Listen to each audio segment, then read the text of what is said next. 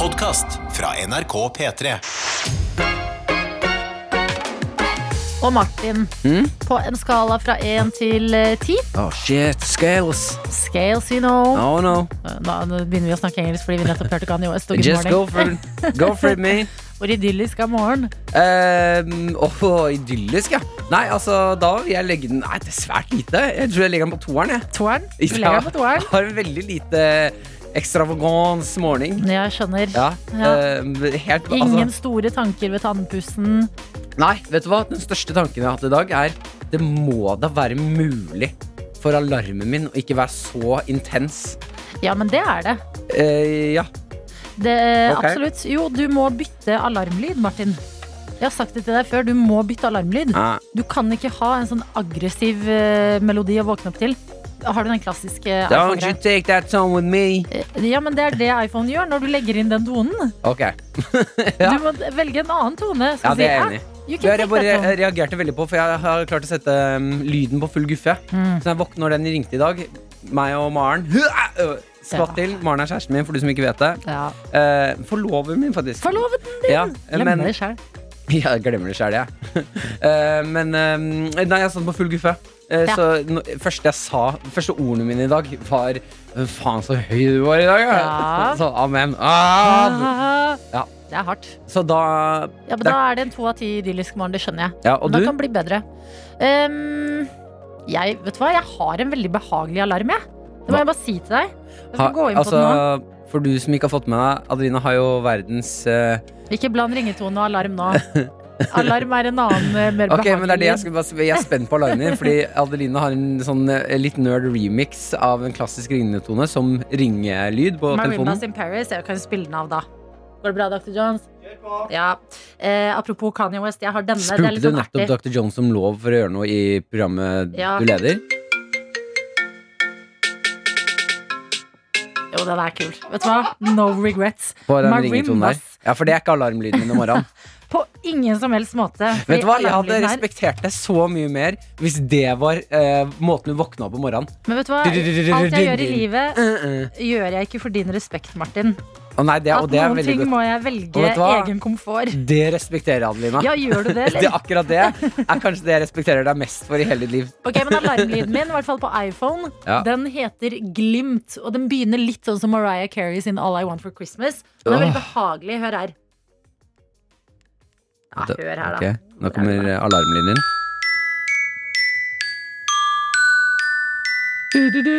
All I want for Christmas is you. Nei, da hadde jeg blitt gæren.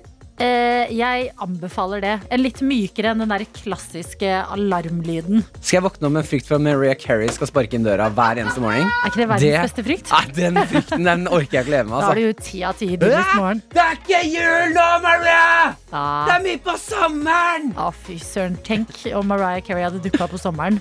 Alle hadde bare? Dette er ikke mulig. Hvilken dag er Hvilket år er Hun det? har blitt dement!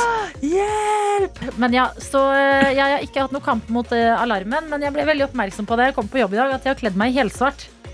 Ja. Jeg har bare tatt, eh, tatt klær ut av skapet, kledd de på meg lag på lag, fordi det er jo kaldt ute. Mhm. Og så eh, kommenterte både du og Dr. Jones om at å, er det helt svart i dag?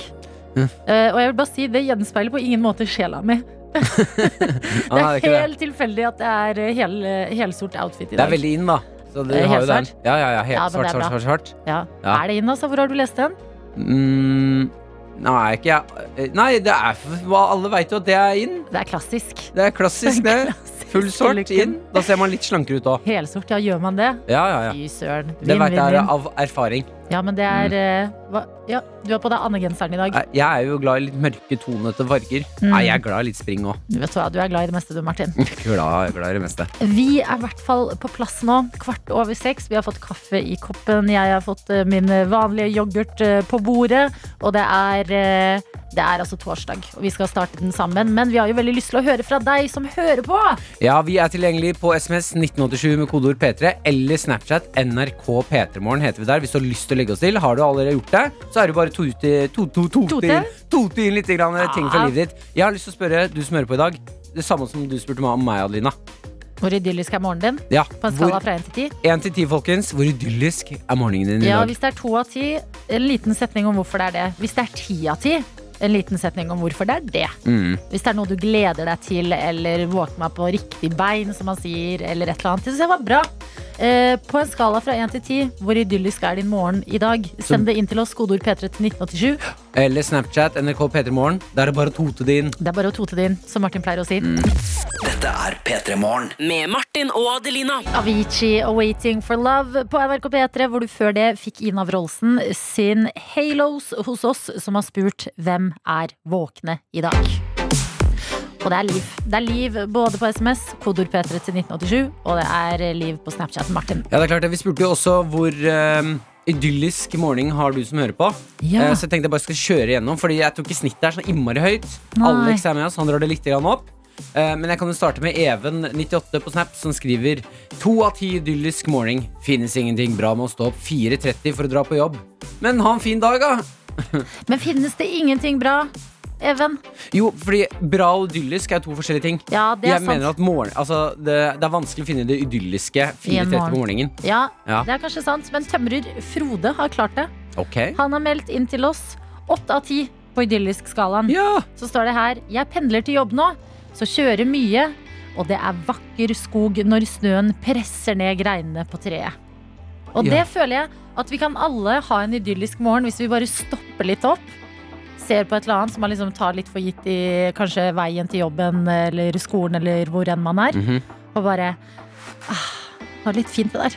Ja, d altså Du skal jo da være en positiv person i sjelen og lete litt. Grann. Altså Ja. Hos meg, Hvis jeg stopper opp, så er det veldig ofte jeg ser, for jeg bor rett ved et sted hvor det fins mye gærninger. Mm. Så det er ganske ofte jeg kan stoppe opp bare Ja, der ligger du og spyr, ja. Ja. Ah. Men da kan du tenke Åh, det er ikke jeg som spyr. Ok, Jeg ja, men Jeg liker hvordan hjernen din fungerer. Ja. Tømrer Frode, du er uh, i innboksen vår, og jeg syns det er bra at du har en uh, idyllisk start på dagen. Ok, men Da blir du på en måte en slags hjelper nå, Adelina. Ok. Så Prøver bare å dra inn idyll idyllheten. Ja. Uh, Snekker-Stian er med oss. Han har ikke så idyllisk dag. To av ti. Skriver 'hvor idyllisk'? Jo, ikke så bra i dag. Starta med at jeg forså meg 30 minutter. Hadde glemt å slå på alarmen til riktig tid. Og så fortsetter det med at bilen ikke starter. Ha. Da jeg endelig kom meg av gårde, så finner jeg jo selvfølgelig ut at maten min ligger hjemme. Nei! Ja, Det var veldig mange ting, men det med maten det er bra, for da kan du kjøpe deg noe digg lunsj i dag. ok, liker. Yes, den er eh, good. Det med bilen Å, nå skal det jobbes. Hva var, hva var Ja, bilproblemet? bilen starta rett og slett ikke. Bilen starter ikke, men da får du kjenne på ekstra glede når den endelig starter. Prøve et par ganger. Jo. Prøve et par ganger, få panikk og bare Nei, nei. Og så bare Der går det! Ok, Forsovet seg. 30 minutter ekstra søvn. Ok, greit. Altså, hvordan er dette ikke idyllisk, tenker Stian. Jeg liker, jeg liker holdningen din, Adelina. Jeg jobber på her. Du får jobbe på med en som eh, ikke har svart på skalaen, Martin, Okay. men har en litt tøff start på dagen. Så kan du prøve strategien. Snu det. Mm. Her står det Dette er vel den trøtteste morgen på lenge. Men jeg er våken, jeg er på jobb, og det er for sent å snu. Prikk, prikk, prikk. Det er ingen vei tilbake nå. Prikk, prikk, prikk. God morgen. Eh, ok, uh, hvordan jeg skal snu den er jeg jo usikker på. Um, eh, Du kan jo si noen vennlige ord, eller Eh, ja, det jeg altså Det syns jeg er veldig deilig når man er litt sånn trøtt som du er nå. Det er at man kan tenke sånn Å, nå er det litt synd på meg, så nå går jeg faktisk og henter meg en kopp kakao. Eller et eller annet digg som jeg egentlig ikke skal unne meg, fordi det er ikke helg. Jeg gjør det nå. Jeg syns det funker bra. Nei, jeg vet ikke om det er bra nok, altså. Jo, men jeg synes den var eh, og Pluss en annen positiv ting. Ja. Når man er veldig trøtt, så føler jeg tida går veldig fort. Gjør du det, altså? Ja, føler ikke du det? Nei, jeg har hatt noen vakter når jeg jobba på eldresenter hvor jeg var blytrøtt. Da bare tiden altså, Det føltes som jeg, jeg drev og duppa litt av her og der. Ok, Tiden går altså sakte Jeg føler den går veldig sakte da, altså. ok, da var det en tynn teori fra min side. Nei, men det er hvordan du opplever det, da. Men eh, vi må si en ting angående Snapchatten vår. Ja, eh, folkens, vi har fått inn en del meldinger på at eh, du ikke Altså folk som legger oss til, ikke blir eh, lagt til eller sliter med å sende oss snap til NRK P3morgen. Vi skjønner ikke helt hvorfor. Vi sliter litt med det. Vi er ikke så teknisk flinke her, fordi eh, NRK P3morgen det er en åpen Snapchat-fil. Det er bare å legge oss til der. Og så er det mulig å bare sende inn. Da får jeg opp alt dere sender. Ja, Men det er veldig mange som opplever at det er, eh, ikke fungerer. ja, at det står sånn Navnet mitt står i grått når jeg sender inn, eller et eller annet. Og bare så dere vet det, vi er på saken. Men hvis noen har noen tips, så send det inn. Og da skjønner dere at det kan godt sendes inn på SMS. Kodeord bedre til 1987, så er vi bare helt sikre. Eh, vi skal straks høre Dean Lewis med Be All Right, men jeg må ta med en siste setning, nei, eh, melding som vi har fått her fra tøytete Ida, som hører på hver morgen, men som aldri har sendt inn melding før. Og her står det God morgen, tøytene mine. Jeg gir morgenen min en ti av ti. Ja! Jeg sto opp tidligere enn jeg trengte fordi jeg var så gira på å suge i meg litt sjokomelk. jeg kjøpte nemlig en 18-pakk på Ops i går. Beste starten på dagen! I capslock. Jeg liker også veldig godt uh, setningen 'suge i meg litt sjokomelk'. Det kan du si til vennene dine i dag. Kan du si, jeg sto opp litt ekstra tidlig, for jeg hadde en sugejobb som venta. P3 Morgen. Med Martin og Adelina. Akkurat nå så har du kommet inn, vår produsent Dactor Jones. Ja, og jeg ønsker deg også en riktig god morgen, både du som hører på, og du, Martin, og du, Adelina. Og øhm, i Takk det samme. Takk det samme. Eh, for noen minutter siden så snakket dere om Adelina sin alarm, eh, den vekkerklokkealarmen din. Adelina, sett den på igjen, så vi får høre på deg. Ja, det som heter Glimt inne Glimt. på eh, iPhone, og den høres sånn her ut. Altså, vekker ja. Og da påpekte Martin at ja, den høres jo akkurat du, Begge påpekte at det høres ut som Mariah Carey. All I Want for Starten på Christmas. Mariah Carey. Og da, så bli med på tankereisen min nå, dere to, og du som hører på. Og så starta vi også sendinga i dag med eh, Kanye West med Good Morning. Good morning. Og jeg syns det er litt juks eh, at Kanye West har laget en sang som passer til hver eneste dag i hele året. Good morning, good morning, good morning. Og så begynte jeg å tenke på Mariah Carey, som jo altså er jo verdens mestselgende artist hver enda jul, fordi folk er så glad i den her. Så tenkte jeg sånn hm, Hvordan kan jeg gjøre Mariah Carey enda rikere? Mm. Oi. Så nå har jeg laget uh, tre forslag til Mariah Carey. Hvordan hun kan utvide sitt All I Want for Christmas Is You Imperium. Kjør lyd.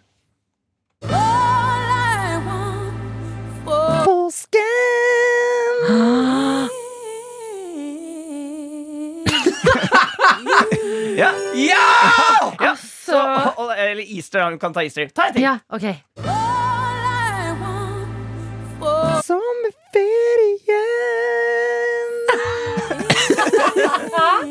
Ikke sant? Da har du råd til sommerferie nå!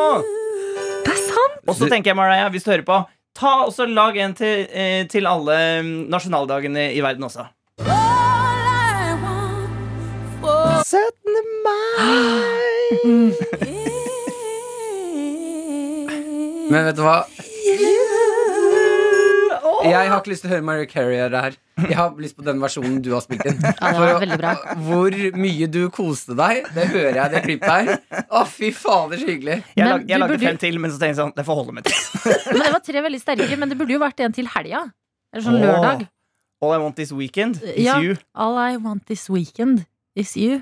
For det kan man høre på. Altså, du kan jo bare kjøre rett og slett hvis man skal være kynisk. da All I want for Monday, Tuesday, Ja. Wednesday. Ja. Ikke sant? Alle dagene i uka. Ja. Mm. All I want forever. All I want for funeral. Ja, ja, ja. Mariah Carey, hvis du hører på, du kan bli rikere hvis du vil. Ja, vet du hva? Her har du gjort uh, grunnarbeidet for henne, Dr. Jones. Penger, penger, Jeg penger, liker det. NRK Vi har fått en melding fra sykepleier Lise. Og her står det God morgen. I dag er en nydelig dag, for jeg skal få første dosen med koronavaksine. Og jeg grugleder meg skikkelig. Vil ønske alle i det ganske land en nydelig dag. Stå på. Nå blir det snart bedre. Og tusen takk for all innsats dere alle gjør. Kjempestor klem fra sykepleier Lise. Ja, klem tilbake. Jeg tror ikke du skjønner hvor sinnssykt digg det er å høre at uh, folk sier sånn Nei, jeg skal ta vaksine i dag. Den, den setningen der mm. Vet du hva, Lise? Masse lykke til. Eh, Du skriver jo at du grugleder deg. Da ønsker vi deg Da må dere en liten sånn eh, lykke til til. Mm. Eh, Men dette blir jo Faen, er det så digg, da! Ja. Eh, Og så må vi videre her i P3 Morgen, fordi jeg har eh, tenkt eh, at vi skal eh, spille det vi skal kalle Er det en potet, eller er det en tå? Mhm. Er det potet, eller er det en tå? Det er det vi skal inn i, Martin. Fordi jeg er Skal, inne er det en lek du har laget som heter potet eller tå? Eh, jeg lagde den nettopp. Det, var, okay. den er, det er ikke sånn veldig gjennomtenkt lek med mange den regler. Og, men jeg er inne på tv2.no. eh, og leser om en turgåer eh, som var ute, og da gikk tur, åpenbart, mm. utenfor Newcastle. Og fikk altså da sjokk idet hun gikk forbi et område hvor det er eh, sånn typisk vært ruskevær. Det er en del sånne skitne blader og pinner og gjørmete. Eh, og så stikker det opp en sånn liten sånn brun, rund sak med eh, sånn grått foran, sånn belegg foran. Ser ut som en negl. Mm. Eh, Så stikker det opp en tå, liksom? ja, det, stikker opp, og hun får jo helt panikk. Og ringer politiet. Ja. Eh, politiet kommer. Eh, turgåeren er livredd, vil holde seg unna. Tenker hva faderen, jeg skulle bare gå meg en liten tur her etter eh, litt ruskevær. Mhm. eh, tror du det er potet, eller tror du det er tå? Vær Jeg- ærlig, jeg- nå, nå tror du sikkert det er potet. Jeg, jeg, altså når du først spør meg sånn Er det en potet eller tå, da tipper jeg tipper potet, ja da. Nei, det er tå. Hæ? Nei, det er potet. Å, det er potet, ja! Å, herregud.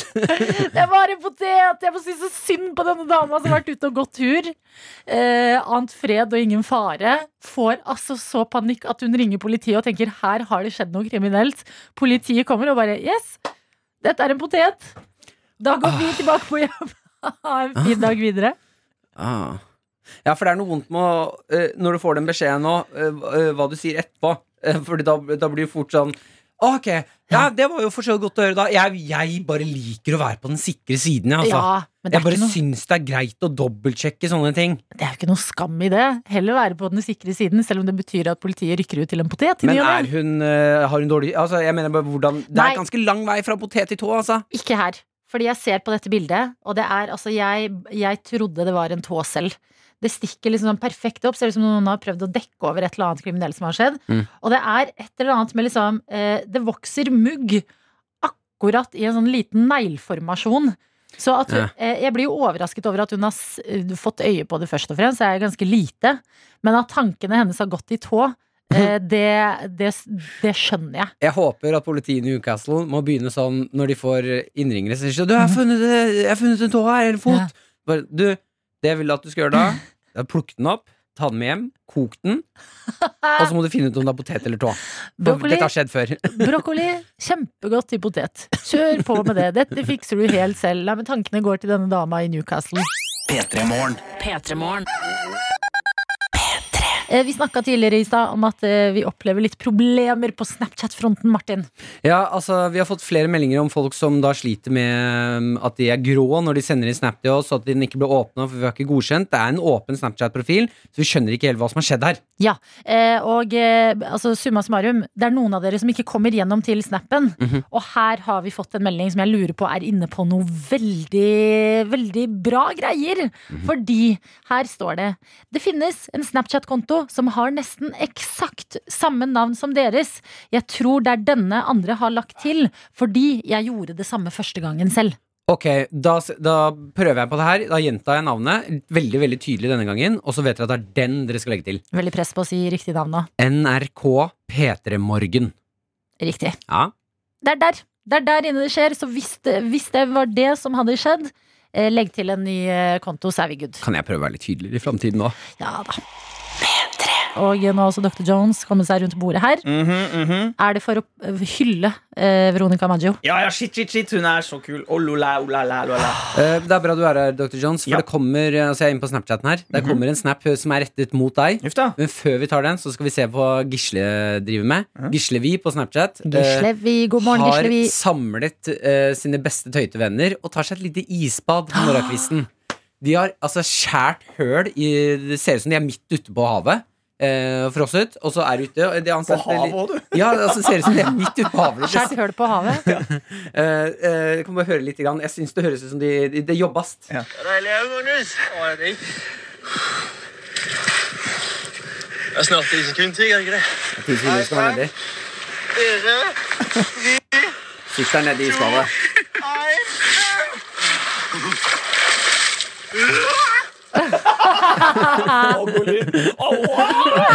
Og det villeste er, det er to stykker som hopper nedi her.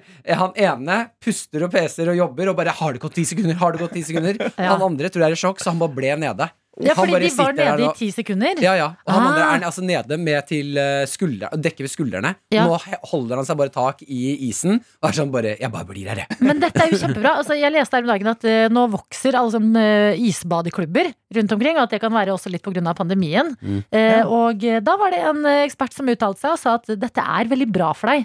Og det er jo, er det én ting du våkner av, så er det å dyppe deg i iskaldt vann tidlig på morgenen. Og så er jeg det kommer, noen som sier at det ikke er bra for deg òg, da. ja, og så kommer jeg på ganske mange andre måter jeg kan våkne på. Nei, Men Martin, du, for eksempel alarm. Ikke en venn av deg. Kanskje du skulle prøvd å isbade en dag? En morgen, liksom. Sender du vi må jo Martin på først, isbad. først våkne, og så gå ut i isvannet. Ellers må du ligge ved siden av isvannet. Ja, Og så bare rulle ut. Ja. Oi! Jeg mener det du må Først så må du stå opp, og så må du våkne. Det er to forskjellige ting. Den er god. Ja, at du står opp, tasser ned til, eh, til sjøen.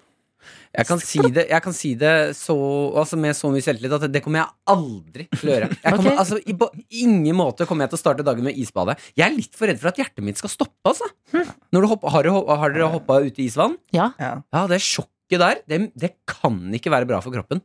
Jeg syns det er litt digg, jeg. Nei, jeg tror the jury is still out. Jeg tror, ikke de, jeg tror det er sånn Jeg har hørt begge deler, så da, da tenker jeg sånn Hvis det funker sånn som for eh, Gisle her, da, så hvis det funker, kjør på. Men jeg har ikke lyst til å være en del av historien om eh, 60 år, da. Når du ser tilbake på den blir tiden her. cancelled fordi du isbader. Nei, men når du ser tilbake på den tiden her, og så driver de og snakker på sånn sånn, ja. For før i tiden så drev de isbada, de. De trodde det var sunt. ja, nettopp, ja. Så dumme de var før i tiden. Men du må leve i nuet. Du kan ikke leve for eh, hva folk skal synes om 60 år. Det, er- det er et godt poeng òg. Veldig godt poeng. Jeg, jeg, jeg hyller denne badegjengen. Takk eh, for snap og god morgen til dere. Nå er dere våkne, altså. Paul ønsker seg også en god start på morgenen, og han skriver at det eneste jeg trenger nå, det er en god Alex Rosén-imitasjon. Ja. Dr. Jones, det er derfor jeg hentet deg. Ja, for at, eh, jeg har ikke så mange parodier i arsenalet, men en Alex Rosén, det har jeg. ok. Han Ok. Det som er, vet du, Pål, eh, når du er ute og bader, og så er det kaldt, da må du faen meg bare kommer opp igjen, så tar du teppet rundt deg, og så er du varm og god. Dette er P3 Morgen. Eh, Vi kan melde om at eh, prosjektleder Bakke, som har sendt oss snap eh, Hvis du har lyst til å sende oss snap, NRK P3morgen der altså, eh, skriver Hei, søte tøyter. Klar for yoga. Nyttårsforsettene starter litt hardt i år. og så har hun tatt bilde av seg selv, eh, altså føttene sine, på en yogamatte. Så det ser faktisk ut som hun skal gjennomføre her. Altså. ja, men det er kjempebra, Prosjekt Bakke. Er det ikke nå, for nå er det 14. Det vil si at det har gått to uker eh, inn i januar. Det Er er det ikke, nå man begynner å få knekken, tror jeg. ja, men er det ikke å holde ut i tre uker, så blir det en vane? Altså, tar, Nei, jeg, har hørt jeg tror det er syv, altså. Er det syv? Ja, det er syv uker, og så blir det vane. Mm, ok. Ja, så det, du har noen uker igjen. Det er derfor man får knekken rundt uh, to-tre. For da, da er det ikke nytt og spennende lenger heller. Rundt to-tre? Uker. Ah, uker. Jeg Ja, trodde du mente klokka to. Litt. Ja, er Rundt to-tre-tida så pleier man å få knekken, vet du. Det er da man eh, kaster inn håndkleet. Det er jo sant, man får jo 14-knekken ofte. Ja. Men prosjektleder Bakke, masse lykke til med nyttårsforsettene. Du gjør yoga klokka sju en torsdagsmorgen, og det vitner jo om at du er ganske ambisiøs på den fronten her. Mm. Eh, en annen front jeg håper noen der ute er ambisiøs på, det er vinne P3 Morgen-kopp-fronten. Fordi ja da. Vi skal inn i dagens quiz og håper at en eller annen av dere som hører på, har lyst til å være med. ja, 1987 med kodeord P3 for å melde deg på. Skriv hva du heter, og at du har lyst til å være med på quizen. Du har laget quiz, Adelina. Ja, jeg har laget eh, quiz om noe av det beste i hele verden. Noe alle liker, tror jeg. Iskrem. Eh, nei, Ok. gjett en gang til. Hunder. Åh, det er godt gjett. Men jeg har laget quiz om pasta. Pastaquizen. Den store pastaquizen. Quizen du ikke visste at du trengte i livet ditt. Ja, den får du her hos meg i dag. Eh, Og hvis du klarer fire av seks riktige spørsmål, da stikker du av med en P3 Morgen-kopp. Jeg føler at her treffer du hjertet til det norske folk. Jeg har ikke møtt én person i mitt liv som ikke liker altså, Som sier sånn, 'jeg er ikke så glad i pasta'. Nei, altså det, jeg, tankene, jeg har prøvd å tenke på dette her, for jeg har ikke lyst til å ekskludere noen hvis noen sitter og hører på nå og tenker sånn Hva? Nei, jeg kan ikke kjenne meg igjen i det dere sier. Jeg liker jo ikke pasta. Mm. Eh, men jeg har landa på glutenallergikerne. Kanskje dere har et litt anstrengt forhold til pasta, men det fins jo glutenfri pasta også. Ja, ja, absolutt. Så- Og så tror jeg folk som har glutenallergi, det er ikke det at de ikke er glad i pasta, det er det at pasta ikke er glad i dem. Fy Fy ja. det er sant, Martin! Mm. Men eh, selv om pasta er en meget elsket rett så er det ingen vits til å sitte på gjerdet. Meld deg på quizen i dag. Vi snakka nettopp om prosjektleder Bakke, som hadde noen nyttårsforsetter. Dette er et nytt år vi er i. Nye muligheter til å gjøre ting du aldri har gjort før. Som for eksempel å melde deg på en P3 Morgen-quiz. Det er veldig enkelt. Du tar opp mobilen din, går inn på meldinger, eh, skriver P3 aller først, og så skriver du hei sann, jeg heter Hedda, for eksempel, og har lyst til å være med på pastaquiz fordi jeg elsker pasta. P3. Det er tid for den O store pastaquizen i P3 Morgen i dag. Og med oss har vi deg, Karen. God morgen! God morgen! Du skrev melding, meldte deg på, og kunne også informere om at du spiste pasta senest i går kveld. Ja, det stemmer. Etter oppfordring fra faren min, faktisk. Ok, eh, Var det en Ja. telefonsamtale med far, eller hvordan gikk det for seg der? Ja, Vi pratet med far om eh, bil, og så sa jeg jeg vet ikke gidder å spise middag fordi jeg er alene hjemme. Så sa han men lag med rester og pasta. Så sa jeg ok. Ok, Hva besto retten av? Ja, Da ble det noe hjemmelaget eh, pastasaus med litt sånn lapskausblanding, gulrøtter og tomater. Og så hadde jeg noen kjøttboller i fryseren, og så litt pasta penn. Og bare en liten sånn der restegreie du slang sammen. ja, det ble ganske bra. Jo, men du høres jo altså Dette er jo det man alltid får beskjed om, Karen. Når man tenker sånn Nei, jeg har ingenting å lage, så er det sånn Jo, se i kjøleskapet og vær kreativ. Du har jo vært det! Ja, tusen takk. Og så ble det rester i dag, derfor så lat er jeg jo. Ja, for det ble godt? Ja, det ble kjempegodt. Og litt vin også, du vet. Å, herregud, jeg liker det. Du, du lever på onsdagskvelden. Men jeg, da vil jeg spørre deg også, siden vi er i en pastaquiz, hva er favorittpastaretten din? Eh, jeg er veldig, veldig glad i eh, carbonara. Den er, eh, Ja. ja Nei, men- det er best. Ja. Never change a winning team. Du høres litt grann Nei, ut som eh, den personen i klassen som sier sånn ah, 'Det gikk ikke så bra på prøven', og så får du sekser. Nei, det stemmer ikke. Gjør det ikke det? Når du bare, «Nei, jeg har slengt sammen noen rester, pasta med kjøttboller og grønnsaker og litt hvitvin, vet du. Ja, for å være ærlig så smakte det mer gulrot enn tomat. Da, bare for å være helt ærlig. okay, greit. Vær stolt, Karen. Men jeg, bare, jeg blir nysgjerrig. Når du ikke spiser pasta, hva gjør du ellers da? Du, da jobber jeg eh, eh, i sånn kafékjeden uh, Special House og reiser rundt og drikker kaffe. Og er på jobb.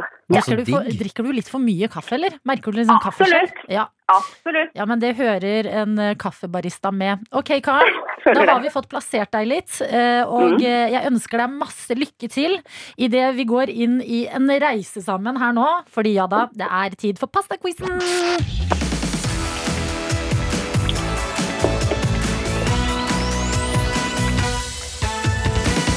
Karen, kan du nevne for meg tre forskjellige pastatyper? Eh, penn, Ja, spagetti, -hmm. makaroni. helt perfekt. Det er et poeng Du, stilte, du sa alle svarene med spørsmålstegn bak, Karen. Ingen grunn til å være usikker på det, for det ble poeng. Eh, Og vi går videre, og idet vi skal inn i dette spørsmålet, så vil jeg bare fortelle at her er det Her er det ett galt svar. Det meste er riktig, men det er ett galt svar. Ha det i bakhodet. Karen, hvilken dag er din Dolmio-dag? Onsdag. Onsdag? Perfekt! Midt i uka. Hva var det gale svaret? Det gale svaret var selvfølgelig fredo. Fredo. Fredag. Fredag, for det er, det er hellig, og det er tacotid. Det tar jeg ikke sant. To poeng til deg, Karen, idet vi går videre her. Og denne her, ho, her er jeg spent om, på om du klarer det. Fra hvilken by kommer spagetti bolognese? Bologna. Fy faderen! Ja da. Det er Ja da. Mangler du bare ett riktig svar nå, så er eh, koppen din. Altså, dette, dette går jo så det suser, Karen. Nå ser jeg på spørsmålene mine og har lyst til å finne et vanskelig. og det har jeg heldigvis. For hvis du klarer denne karen, da er du altså Da er du dypt inne i pastaverden. Det fins en liten, liten, liten religion som består av folk som tror på det flyvende spagettimonsteret. Og de de viser at de er medlemmer av denne religionen ved å bære noe som er pastarelatert på hodet sitt. Hva er det de bærer på hodet? Er det dørslag, kjøttbollehårbånd eller gryte? Jeg har lyst til å si dørslag. Du har lyst til å si dørslag? Ja. I alle dager. Altså, vi har en pastaekspert nå, i! Karen! Fy faderen, fire av fire eh, fire av fire på rappen. Det er så gøy! Er du med i pastareligionen, Karen? Eller? Ja, det er går i døra nå med et dørslag på hodet. Vi tar i hvert fall eh, av oss dørslaget for deg, Karen. For du har Tusen levert takk. så utrolig bra i denne quizen. Gratulerer. Det ble kopp på deg, eh, og det er jo superbra. Ja, veldig fornøyd med det. Trenger det når man skal drikke litt ekstra mye kaffe. Ja, Ikke sant? Eh, hva er det, bare nysgjerrig, siden du lagde de der eh, restene dine i går. Hva er det som skal lages rester av i dag? Nei, eh, de restene ble til restemiddag i dag. Åh, Det restene blir rester. samme i dag. Altså, circle of life, Karen. Ja. Takk for at du var med på quizen vår, og ha en nydelig torsdag. I like så, dere. P3 Morgen. Med Martin og Adelina. Jeg må dele noe med dere fra BBC News. Jeg har klart av en eller annen grunn, du som hører på, å, å snuble og tryne inn i BBC News på nettet. Det er første gangen i mitt liv jeg er der inne og titter. Hvordan føles det? At det er ganske bra.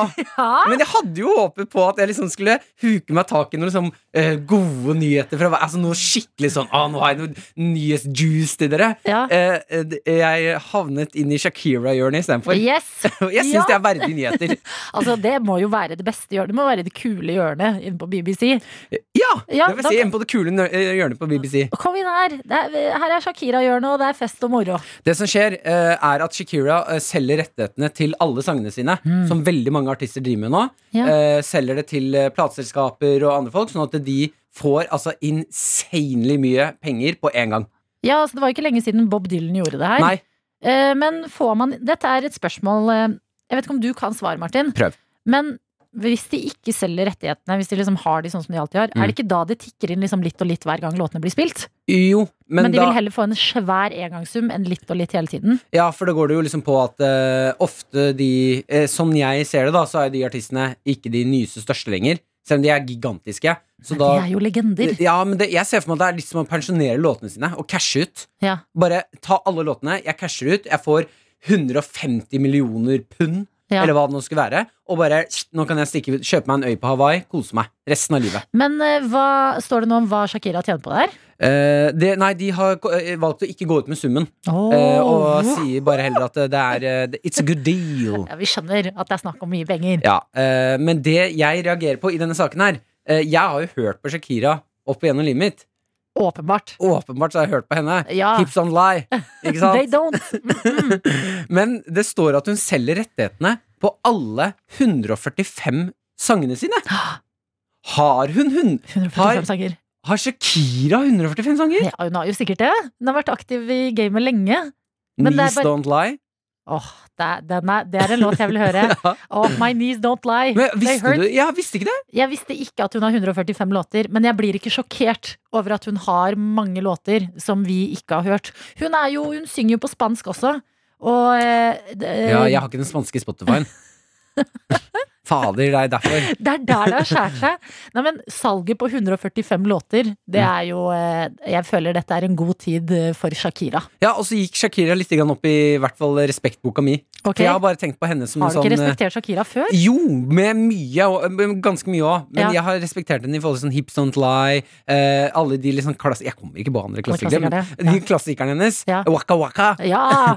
Eh, men at hun da har stått på og lagd 145 låter, Mm. da ble jeg sånn, vet du hva. Du er en artist, du. Vi savner å bli kjent med nye, kule mennesker. Ja. Det skjer liksom litt sjeldnere nå under en pandemi. Dette har vi tatt tak i. Vi spurte deg som hører på P3 Morgen, hvem er kul som vi burde bli kjent med? Og der starta det hele med Jørgen, som eh, bygde en strand i sin egen stue. Og videre derfra dra, Nå klarer jeg ikke prate, jeg blir så gira, vet du. Videre derfra har vi blitt sendt eh, fra en kul person til en annen, og i dag så skal vi til Jeannie Vega. God morgen! God morgen. Vi snakket med Ingrid i går, som eh, syns at uh, du er eh, det kuleste mennesket i hennes liv. Hvordan føles det? Hun kjenner så mange folk, men jeg er litt annerledes, vet du. Det hjelper litt, da. ja, fortell. Hvorfor syns Ingrid at du er så kul? Ja, hun snakket om Det er så mange grunner, vet du, men da kan vi gå ned til livshistorien. Det var ikke så stor, da. Så, da Ja. Jeg har bodd 14 forskjellige plasser før jeg flyttet til Norge. Ja. Eh, jeg har oppvokst ganske mange plasser, men um, noen av de var trailer park, som dere er ganske kjent med, som betyr jeg var ganske fattig. Men jeg flyttet til Florida, jobbet i Disney World, traff en nordmann oh. som var, som var en musiker, min prins i Disney. spørsmål, spørsmål. Hvilken avdeling av Disney World jobbet vi i? Var du liksom en av de prinsessene, eller hva var jobben din i Disney World? Jeg var, som vi skal si, entertainment and shows. Og du gjorde faktisk shows? ja. Var du på scenen, liksom? Hmm? Var du på scenen og showa? ja, ja, ja, ja. Ok, hva spilte du da? Nei, nei, nei, nei, nei. Vi var, jeg var venner med Du var venn med Jeg var venner med litt forskjellige folk. For eksempel Pluto, Rafiki, Buzz Lightyear. Åh, ja, ja. mange, mange andre. Jeg liker det. det er, du er allerede kul, Ginny Vega, men fortsett, kjør på. Ja, men. Og jeg var lei av sol i Florida, så jeg flyttet til god Norge. Ja. Uh, Ja, ja. fordi, hvordan skjer det? Florida, der har du liksom Du har Disney World, du har strender, tropisk Ja. klima, men av et eller annet sted så tenker du på Norge. Hvorfor akkurat Norge? Fordi jeg som sagt traff en nordmann, og jeg blir forelsket, vet du. Ja! Ja. Men han var musiker, så hello. Jeg spiller fiolin. Så ja. Og etternavnet Bjørke. Så da var det fantastisk, vet du. Å flytte til Norge, var au pair. Men uh, lang historie kort, jeg mistet han til kreft. Jeg ble, og før det da, Norge prøvde å kaste meg ut to ganger. Hva? Å Um, nei! ja da, men jeg fikk lov å være her for det barn, men han fikk kreft. Og vi var gjester. Men, uh, men nå er jeg, lang historie kort en gang til, nå er jeg nygift med en mann som har samme navn som den første. Å ja, du har en type. Okay. Det er Ja. der din type ligger. Det er, det er Ikke navnet. sant? Det er navnet, ja. Ja. Og nå bor du de glade dager i Norge? Nå bor jeg på, på en veldig fin plass ved uh, Lade på Trondheim. Lade i Trondheim, og det er jo helt nydelig der! Ja, Ja, ved vannet. men da er jeg kjent for min Halloween-hus i tillegg, så jeg er kjent som en heks på Lade. Du er kjent som eh, heksa på Lade i Trondheim. Er det fordi Ja. du tar av Altså, hvor mye tar du av når eh, halloween kommer? Well, darling, hvis du spør meg, det er ikke så mye. Men hvis du spør de andre rundt Lade, la oss bare si jeg hadde ca. 300 på besøk i år, og det var litt mindre enn vanlig pga. en pandemi. Ja. Å, jeg elsker deg, Ginny Vega! Herregud, for Det en gjør- deilig energi du har. For en god måte å bare ta, ta ting som kommer i livet på. Ja, men jeg, jeg, jeg, jeg snakker til deg nå fra Solbakken skole, hvor jeg snart skal være med den kuleste femte trinn ever. Ja. Så da, da må jeg ha litt energi, da. ja, men det er jo så godt å høre. Jeg blir skikkelig glad av å høre på deg prate, Gini Vega. Det er derfor dette er så perfekt. Vi blir kjent med dere nye, kule mennesker her i P3 Morgen. Jeg driver med teater og litt forskjellige ting òg, men det kan vi snakke om senere. Har du noen uh, li små tips til alle som hører på nå, da? Bare for å få liksom den samme gode energien du har? Uh, OK. Uh, livet er ikke noe bra. Det er så mye dårlig i livet, så du må bare finne den gode, gode små ting du kan være glad for. Det kan være noen som smiler til deg, eller smiler du til den andre du ikke kjenner. Norske folk, det klarer dere. Og bare mm. spre litt glede rundt, fordi det trenger verden. Elsker når en person kan si med sånn eh, amerikansk aksent 'Norske folk, det klarer dere'. Det er bare å smile. Men vet du hva, jeg syns det var en skikkelig fin sak. De små tingene, de som man kanskje tar litt for gitt i hverdagens eh, sus og dus, eh, å favne om de. Det er veldig bra. Det var deilig å høre deg si det, deg si det, Ginny Vega. Forresten, du har et så kult navn. Ginny Vega, er det ditt ekte Ikke- navn? Well, jeg var faktisk etterkalt etter en uh, soap-opera-stjerne i USA, for det Mhm. får vi være glad i sånn.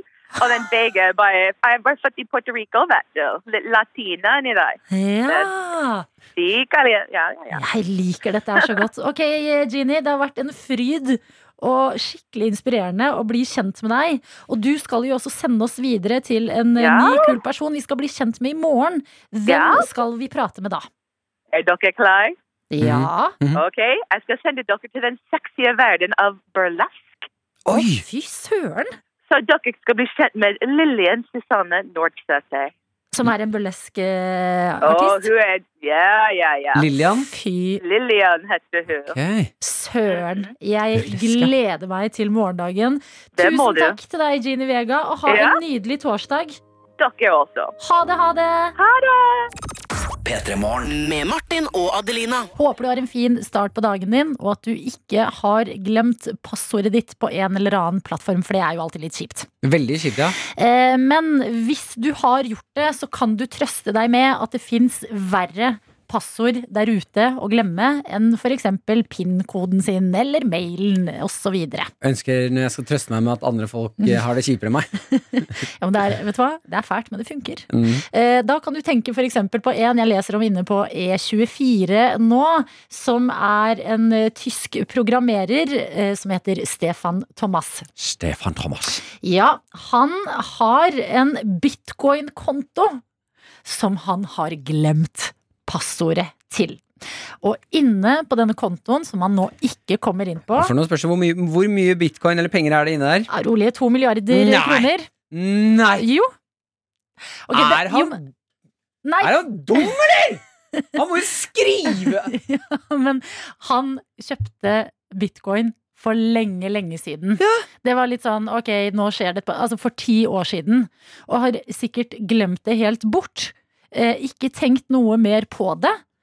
Og så skjønner han, vent litt, jeg har en konto. Prøver å logge inn på denne kontoen. Det går ikke. Prøver igjen. Det går ikke. Og det som har skjedd, det er at han har brukt opp åtte han har brukt forsøkene! av ti mulige! Men Han har vent, vent, vent, vent nå, vent nå.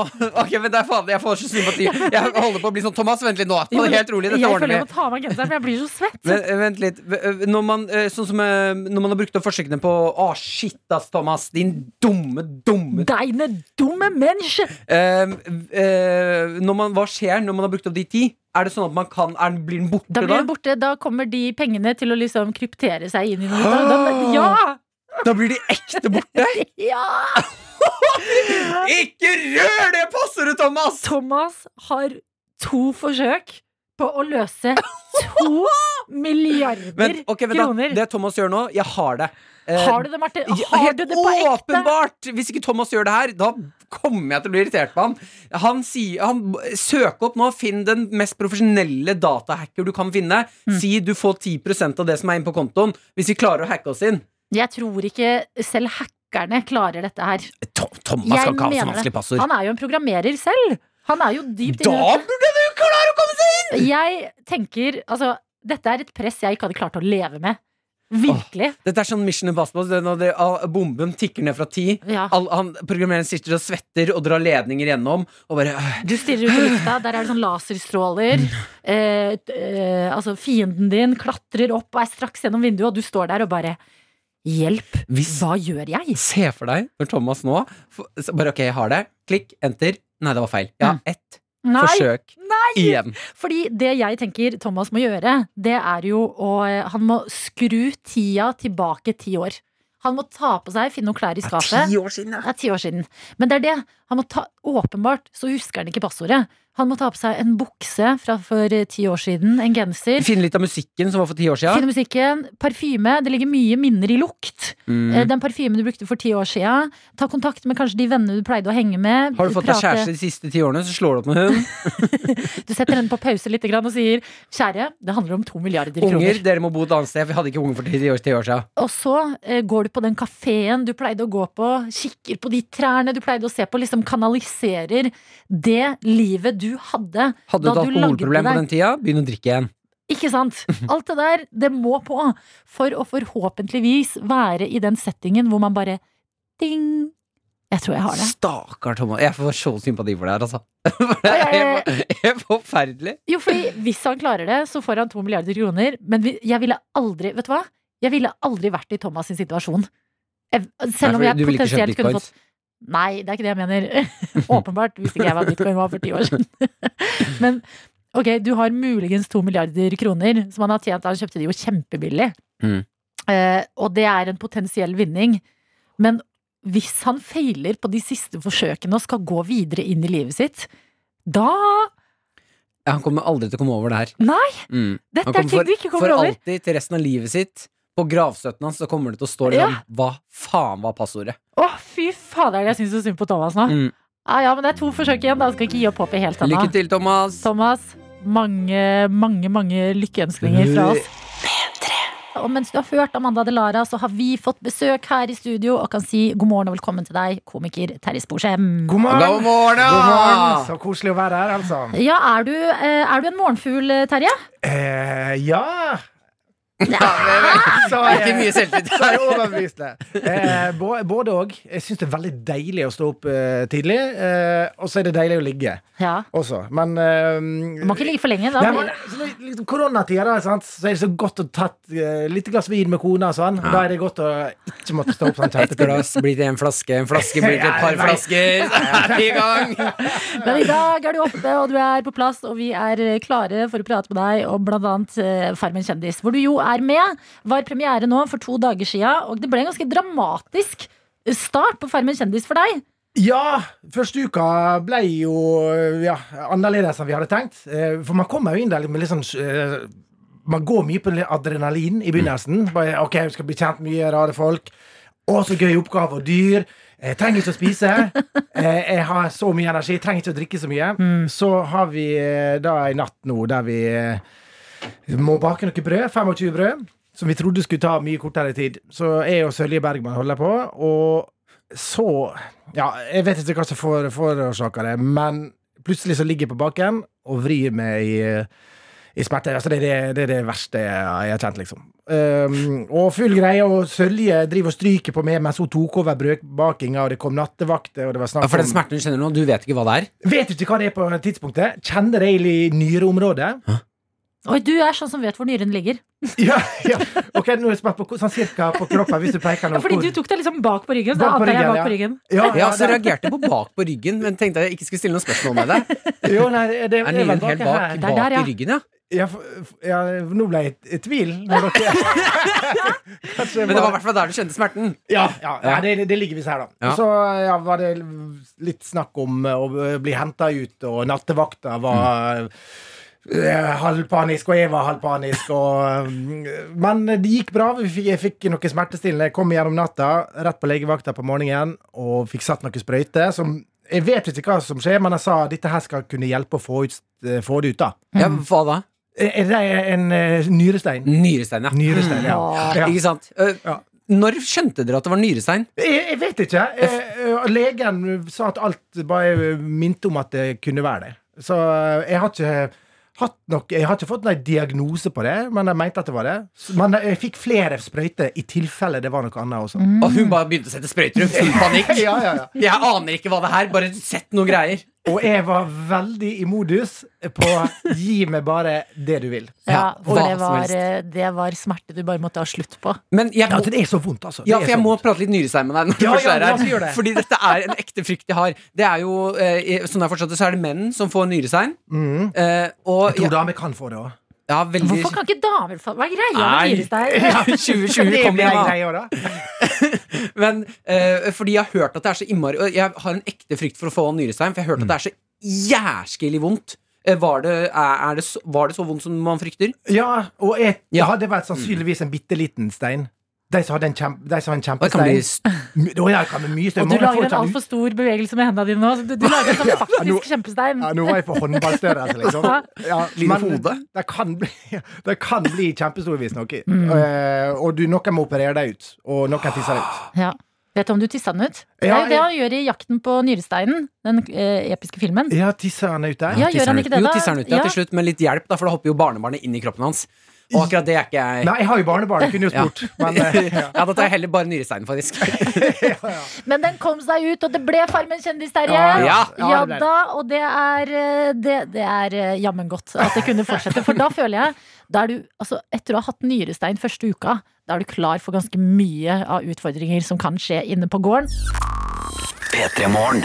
P3morgen. Og vi har besøk av deg, komiker Terje Sporsem, som jo faktisk er med i denne sesongen. Fikk en brutal start på hele oppholdet, eh, og det var pga. nyrestein. Som dere sa, at det er noe menn får.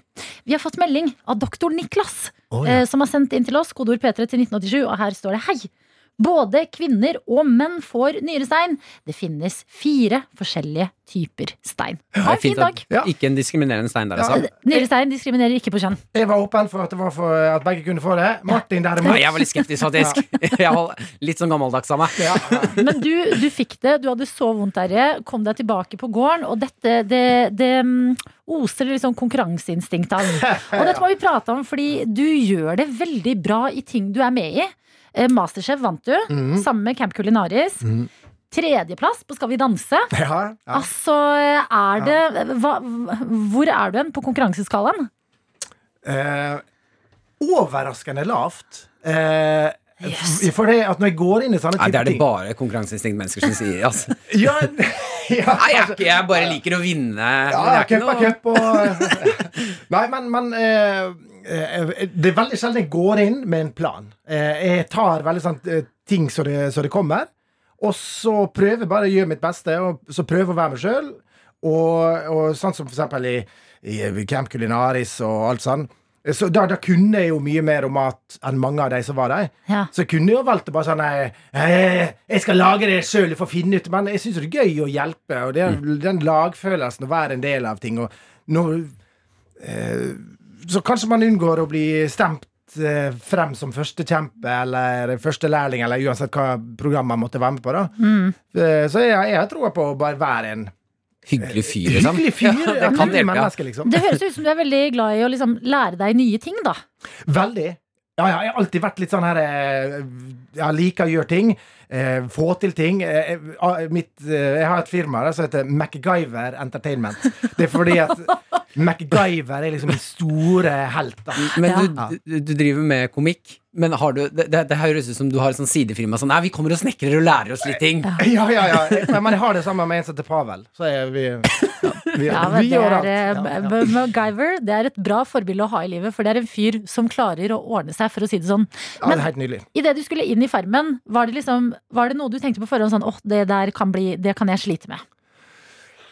Var det det? Nei. Eh, Bygge gjerde, alle dyra. Ja, nei ja, altså, og Det jeg var redd for, det var allergien min. For jeg, jeg har hatt litt sånn eh, pollenallergi før. Nei, fy søren. Du kan ikke være med på Farmen, og det du er redd for, er pollenallergi. Jo, men, men, men eh, vet du hva som skjedde? Jeg kom inn der, Det har aldri vært så mye høy og dyr og gress før.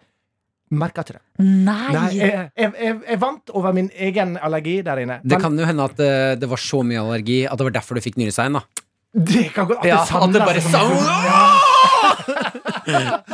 ja, nei, ellers så kan det være noe i sprøyta som legen satt første uka. Ja. Som bare tok over hele greia. Ikke sant? Ja. Men fikk du noe sjokk på noe du syntes var overraskende gøy? Ja? Eh, Ettersom du liker å gjøre liksom, lære, bruke kroppen, lære nye ting.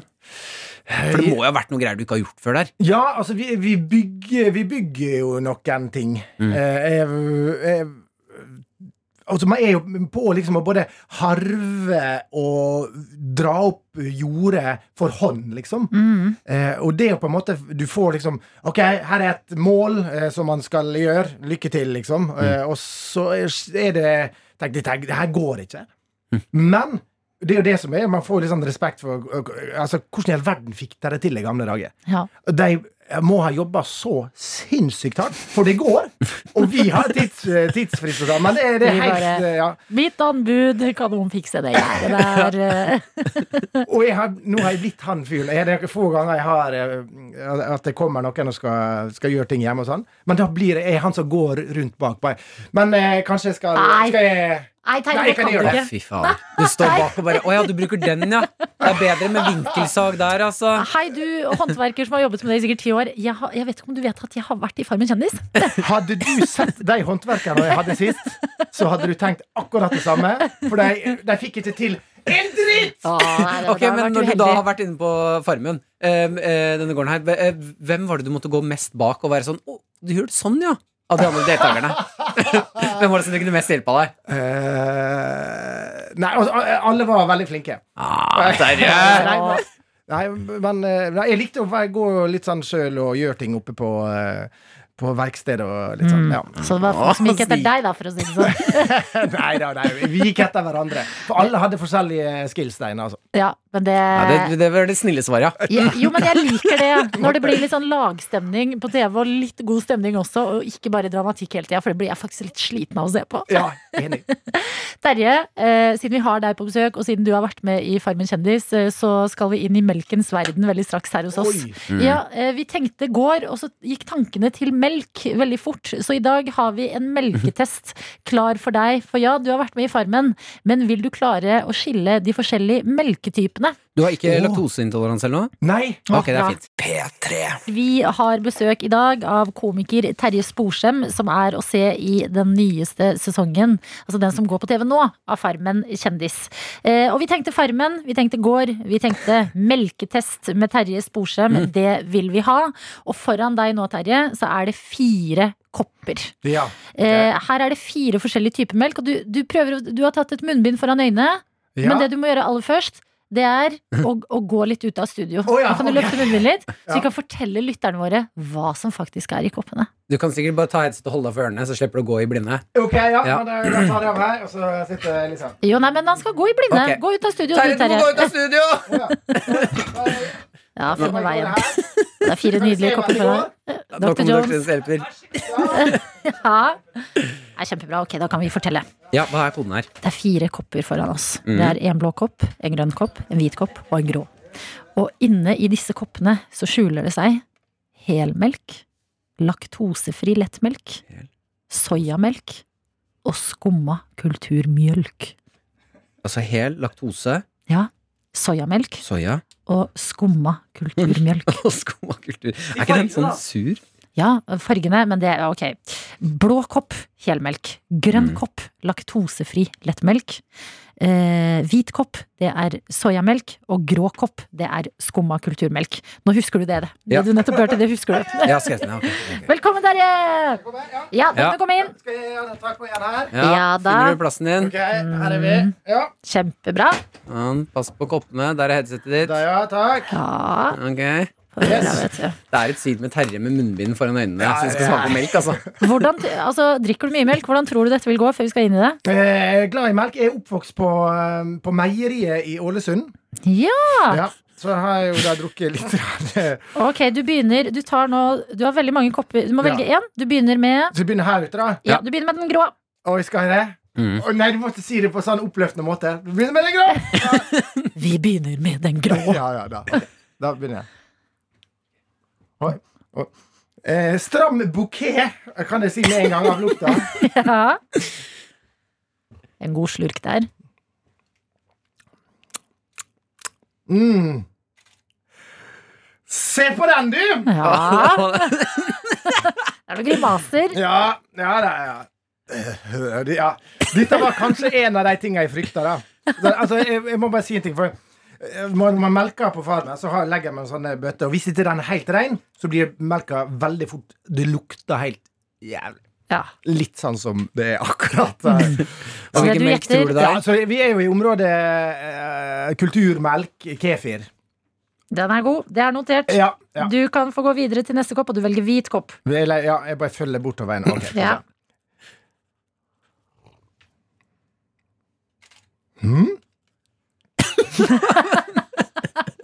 Tok seg en slurk? Ja, ja, ja. Hva? Hva er det som går gjennom hjernen din nå, Terje? Um, altså, det, dette her er jo en sånn uh, eh, Fra et eller annet Sånn her eh, mandel eller eh, havre. Melk. Havre, Uh, men er det, vent litt. Jeg må kjenne. Kjenn etter, du. Ta en slurk til, ja. Ja, Dette satt ut Terje litt. Det er mandel eller havre. Jeg, men det er sånn havresmak. Jeg sier havre. Havremelk. Ja, ja, Ok, da går vi videre til kopp nummer tre. Du tar grønn kopp. ja, ja, ja ok. Det.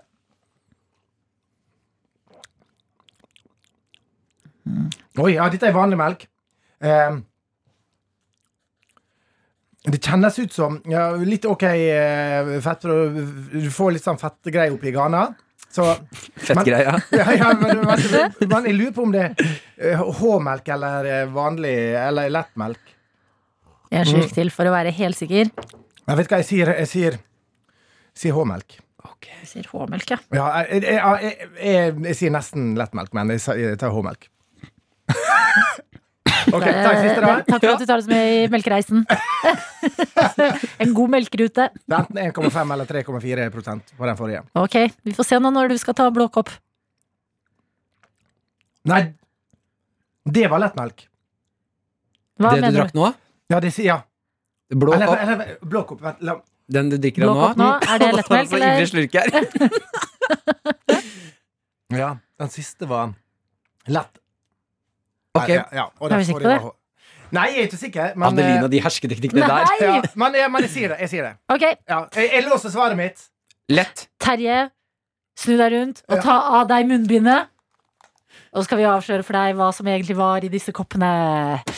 Du har gjetta og tatt altså ting på alvor, men øhm, au, det er Jeg Titter i koppene for å se om man kan se hvilken melk det her er. Jeg ser jeg har tatt feil.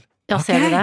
Hvordan ser, ok, dette skal du få debrife. Du sa til blå kopp, så sa du dette må være lettmelk.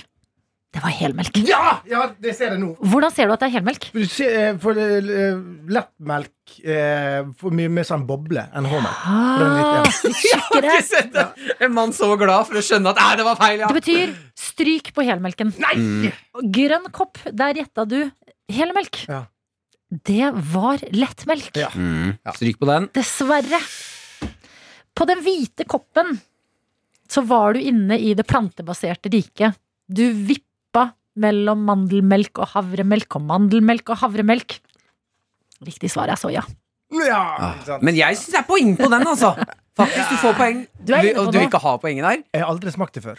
Har likte du det? Soyamelk. Likte du det?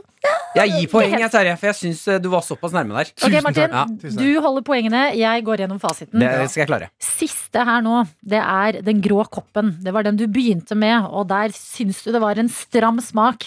Den tok deg litt tilbake til Farmen-gården. Eh, og det du gjetta, det var kefir eller kulturmelk. Og det er helt riktig at dette er kulturmelk. Ja! Ja da! Det er to poeng, det! Oi, oi, To oi! poeng i melketesten. Altså, det er 50% Ja, og, og jeg var jo innom resonnementet rundt eh, hva jeg Nei, men eh, Ja, vil du ha det poenget òg? Konkurranseinstinktet kicker inn her. Ja, Da er det tre poeng! Det er tre poeng! Ja, det er, eh, vet du hva, jeg vil si dette gikk uh, helt midt på ok bra, Terje. Men kan jeg spørre, er det, er det, er det, Tine her, eller er det noe annet? Eh, For vi hvis det er Tine, for det, det kjenner man mye bedre. Det, det kan det bedre enn Å ja, man kan det. Da løper Du sier at du ikke har konkurranseinstinkt? Det er Tine. Ja, Tine, ja. Det er Tine. Beklager, Terje. Det var ikke full pott i dag, men det var eh, godt levert i melketesten vår. Mer Terje det får du på DV-skjermen nå. Det kan du altså se i Farmen kjendis, hvor du er med. Terje, du kan få drikke opp melka hvis du vil. Takk.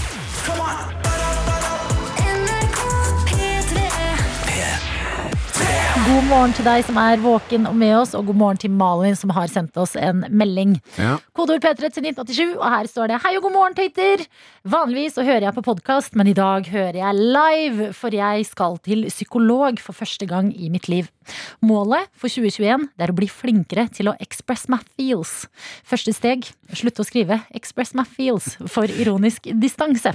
Så jeg håper at det kan hjelpe litt på veien. Kanskje lære meg noen gode verktøy. Hilsen trofast podkastøyte Malin. Jeg syns det høres ut som du er på god vei allerede når du skjønner at 'express my feels' er på en måte for å dekke over noe. da syns jeg du er på god vei. Ja, og lykke til, eh, Malin. Eh, bra å sette seg mål, og bra å gjøre noe med ting man har lyst til. Så dette, dette må lede til kun gode ting for deg.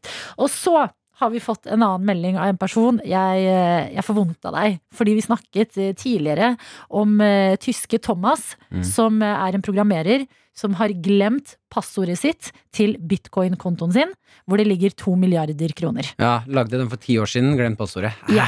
Eh, og her er det en som skriver Jeg vet så altfor godt hvordan det er med en bitcoin-konto man har glemt. For 13 år siden kjøpte jeg en hel haug med bitcoins for å betale eh, mennesker for å levele på min wow-konto. Mm. Eller WoW, sier man vel. Ja, ja, World of Warcraft. Ja. Dessverre husker jeg ikke passord eller mail, og mitt tips til tyske Thomas, det er glem de pengene. Kom deg over det.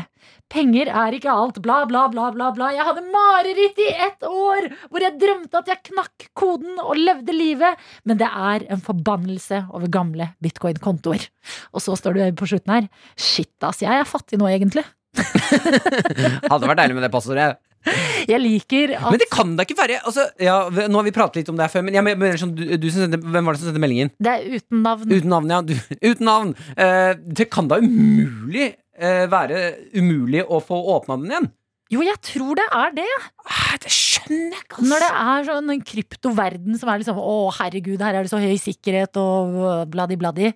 Men jeg syns, jeg syns du som har sendt oss den meldingen Å, fy søren. Du er Ja. et stort menneske som klarer å komme deg over dette og gå videre inn i livet ditt. Jeg tror det er nøkkelen. Ja, Ok, Da har jeg en snap som kanskje kan løfte humøret litt. Grann. Det er, Vi har fått snap eh, av Kvelertak, er eh, brukernavnet her. Ja. um, navnet på personen kommer, men jeg vil at du skal legge merke til Jeg tror at det er noen som prøver seg på en uh, liten snerten Aksel Hennie-parodi her. Oi, oi, oi, og jeg det liker kan jeg være med på. Hei, jeg er vei til Toten. Jeg skal sette på en ruter. Det er noe jeg liker å gjøre. Er brenner for. Og ønsker en god morgen. Hilsen Jonas. Den er ikke verst. Ne- eh, Det sier du. Det sier du, for vet du hva jeg hører her? Hæ? Jonas, jeg hører en Martin Lepperød-parodi. Nei. Jo, dette er deg som parodierer Han Aksel Hennie. prater mer sånn her. Jonas fra Toten. Jeg liker det. P3 Morgen. Med Martin og Adelina. Og trodde du ikke at denne verden her kunne bli rarere, så har jeg tenkt å dele, dele noe med dere nå som gjør at du tenker sånn Ah! Ok, så det skjedde. Det er altså en eh, video jeg har kommet over på Facebook, eh, inne på profilen til Sam Sparrow, som legger ut liksom gøye filmer. Sam Sparrow. Ja, eh, Han har lagt ut en film. Eh, han, han vet ikke hvem som har gjort det her, hvilken skole det angår, ve, altså hvem som har tatt den avgjørelsen, men det er altså helt sprøtt. Det er en barneskole som har bestemt seg for å sette opp et barneteater, som Ja. eh, da foreldrene kan komme og se. Og vanligvis på sånne barneteatre Ja. så er det jo liksom eh, Hakkebakkeskogen og Mm. søte små stykker hvor barna synger litt surt og foreldrene er stolte. Ja. Eh, denne gangen så er scenografien en bitte, et bitte lite barn, et jentebarn, som Ja. sitter foran et speil, lang, blond parykk. Ved siden av så sitter det en gutt med et fjell av kokain. For de har nemlig satt opp Scarface. Nei. Hæ? Å, jeg har klipp! Dere må høre det her. Det er det morsomste jeg har hørt i hele mitt liv. Hør på det her. Flag, come on, bacon. You do coke and you kill people. That's wonderful, Tony. I got a buddy joint for a wife. Altså, jeg er sjokkert. You do drugs and you kill Coke. people, Billy. Hvor gamle er disse barna? Ja, det kan ikke være mer enn seks år. Altså, de er bitte små. Bitte, bitte små. Altså, Jeg lurer på hvor forberedte foreldrene var her. Så når de kommer og bare Å, herregud, little Lisa, she's gonna do her theater thing. Mommy's so proud. Og så sitter datteren din på scenen og bare You do coke and you kill people. vi må høre det igjen. Billy Joe Flag, come on, bacon. You do coke and you kill people. That's wonderful, Tony. altså, hva har skjedd her? Og, jeg, Og hvordan får vi det til Norge? Ja, jeg har ikke, ja, hvordan får vi det til Norge? Jeg har Ja. ikke sett hele stykket, men jeg skal se det i dag. Og min villeste drøm er at de bryter ut i sang òg. Mm. Alle barna kommer ut og sånn Føles det bra å ha ville drømmer om barn? coke and you kill people, Billy. Hæ? Føles bra ville drømmer om barn? Absolutt ikke, men det stykket der føles ikke helt bra, det heller. Dette er en rar verden. Ok, men etter du ser, eh, ser mer om det, eh, del hvis det er noe mer juicy vi har gått glipp av. For dette her, dette trengte vi. NRK Hvor vi skal prate om eh, to personer som ikke har glemt hverandre på noen som helst måte. Jeg er inne på tv2.no akkurat nå og leser om eh, stormingen av kongressbygningen, eh, som jo skjedde i forrige uke. Mm. Og Kan vi kalle det storm... Altså, storming? Ja, ja, altså, jeg vet ikke om jeg, vet ikke om jeg syns vi kan kalle det storming. hva, hva skal vi kalle det, Det er bare kløning. Kløningen? Har du sett på, når du ser på det? Kløningen de gjorde inn. De kløner seg inn, men de, de, de kløner og de stormer eh, Ja, om hverandre i Ja. USA. Og det som eh, nå foregår det jo et arbeid med å finne ut hvem disse personene var. Og Mm. veldig mange av dem, man har jo liksom sett veldig tydelig han eh, vikingsjamanen og han som bar det der gullpodiet, og de har liksom vært så vært så stolte idet de har storma den bygningen, at det er veldig mye bevis på hvem som var der. Eh, Men en av dem som kanskje ikke var helt forberedt på å eh, bli kjent igjen, det er en som heter Larry Rendell Brock fra Texas. Mm. Han tok seg da inn i bygningen, hadde på seg hjelm og skuddsikker eh, vest, og eh, to dager senere så ringte ekskona Nei. inn til politiet. Hello 911. I'm drinking wine and I'm just I just saw my ex on the television. And his name is Larry Rendell Brock. Hvis, Takk for meg. hvis de Altså hvis det paret der har hatt et kjipt brudd, sånn at de er sure på hverandre å, fy, tenk hvor godt det smaker å ringe FBI og bare Ja, ja, da har mannen min gjort det igjen. Ja. Ikke klarte han å ta ut av oppvaskmaskinen, og ikke klarer han å skylle fjeset sitt. Og ikke klarte han å tilfredsstille meg seksuelt heller. eh, og jeg ser han på TV nå. Lite tilfredsstillende å se mannen, så Og kanskje det blir fengsel på han! Ja, for det er det jeg tenker at Hvis de har vært gift, gift i 18 år, så står det her i saken, og gått da fra hverandre. Mm. Eh, og eh, da å liksom sitte, hvis det er liksom litt sånn litt agg mellom dere, og sitte i sofaen din en kveld og bare se typen din storme Kongressen og vite sånn Hm. Da bare ringer jeg politiet. Det må jo være den ultimate Ja, closure Mm. på det forholdet. Tenk hvor deilig det er å fortelle deg Nei, jeg hadde en eksmann, men jeg sendte han til fengsel. Det er helt sykt. Jeg ringte FBI på han! Larry, bye now! Dette er P3 Morgen. Vi, vi har fått besøk av eh, Vet du hva vi har kalt deg? Eh, En av NRKs smarteste menn har vi kalt deg Lars Nehru Sand, politisk kommentator.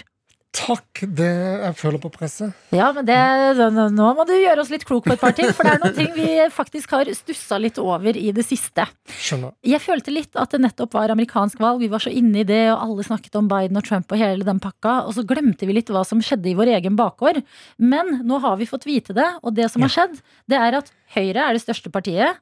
Arbeiderpartiet har rykka ned nå, fordi Senterpartiet er det nest største. Ja. Altså, ehm, er det sånn at dere, dere som jobber med det, er helt sånn her, herregud, hvordan er det? Er det helt sjokkerende nyheter? Men det er jo at Senterpartiet har gjort det bra, har jo skjedd over lengre tid. Men så kom det en litt som på noen måter uforklarlig eh, styrking på toppen av det igjen. I eh, ja, september-oktober i fjor, som, og, og at Senterpartiet har gått forbi Arbeiderpartiet, er relativt nytt. Og også det da, som da henger sammen med at Arbeiderpartiet på noen målinger er, er nummer tre, Ja. som jo er helt uh, Hvor krise er det for dem? Sånn, Ja, det- Hvor uvant er det for dem? Jeg tror forrige gang de var, ikke var størst, og da var det ikke nummer tre, da var det nummer to, i et valg, det var i 1927 eller noe sånt. Men det høres jo ikke så ille ut å være nummer to nummer tre. Altså, de, de er, det er helt krise. Vi er nummer tre. Vi er, de er fortsatt på pallen. De er fortsatt på pallen. Men det å være, altså for Arbeiderpartiet så er det klart det å være en samlende stor kraft på venstresiden i norsk politikk, det er partiets eh, hva skal jeg si for noe, det Partiets DNA er å være det. Mm. det. Det er det som er rollen til Arbeiderpartiet, å klare å bygge bro mellom særinteresser på venstresiden. Ja, Men for nå må de finne ut litt hvem de er igjen. Ja, definitivt. Og det gir det jo mindre politikk og mindre gjennomslag å være mindre. Altså det, det har Størrelsen har litt å si i, i politikk, for å si det på den måten. Men Ja, fordi Er det sånn at Arbeiderpartiet på en måte har vært alfa på venstresida? Sånn ok, SV, Rødt, vi hører det, vi ser dere. Men nå kommer plutselig Senterpartiet, har med seg matbrettet, setter seg ned i kantina kantina, bare bam! Ja. Her sitter vi! sånn er det nå. Og, og de setter seg på enden av bordet, og de har en selvtillit. Og det rokker ved noe av selvbildet og selvfølelsen til Arbeiderpartiet, selvfølgelig. Og så har det jo en politisk dimensjon ved seg, og så viser det jo Arbeiderpartiet at det er noe ved samfunnet, ved tidsånden i Norge i 2020-2021, som dere ikke forstår.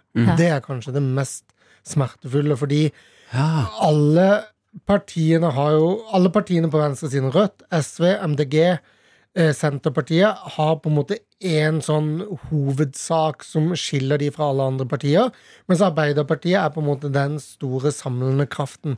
Og, når det, og det har de ofte også kunnet bruke som et selvstendig argument. At vi, vi skal alltid klare å bli enige med de andre, men den helheten får du hos oss. Eh, og er vi Men har de tatt den litt for gitt, eller?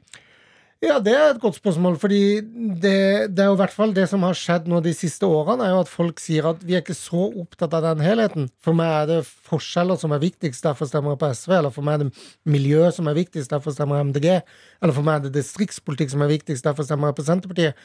Og det setter jo Arbeiderpartiet litt sjakkmatt, fordi de er mer opptatt av ikke bare distrikt, de er opptatt av byen også. Ikke bare miljø, de er opptatt av oljearbeidsplasser og, og, eh, og industri også. Eh, De er opptatt av at eh, det kan godt bli dyrere å kjøre bil fordi den forurenser, men det skal ikke bli så dyrt at ikke en stakkars alenemor har råd til å kjøre barna sine i barnehagen. Og alle de med, skal si, å veie ting mot hverandre, da. Hvis det ikke lenger er gangbart, hvis folk tenker at det er ikke så viktig, fordi min lille fanesak eller min, min tilnærming til politikk er, er mye mer viktig å, å kjøre fullt ut, så mister jo Arbeiderpartiet noe av sin eh, styrke eller forse. Ok, men eh, det jeg lurer på, er nå som alt er litt sånn eh, nytt og snudd på hodet. Betyr ikke det at det blir en veldig spennende valgkamp for alle oss andre? Det gjør det Så at vi går liksom inn i det og bare «Hohoho, Nå må Jonas svare Trygve.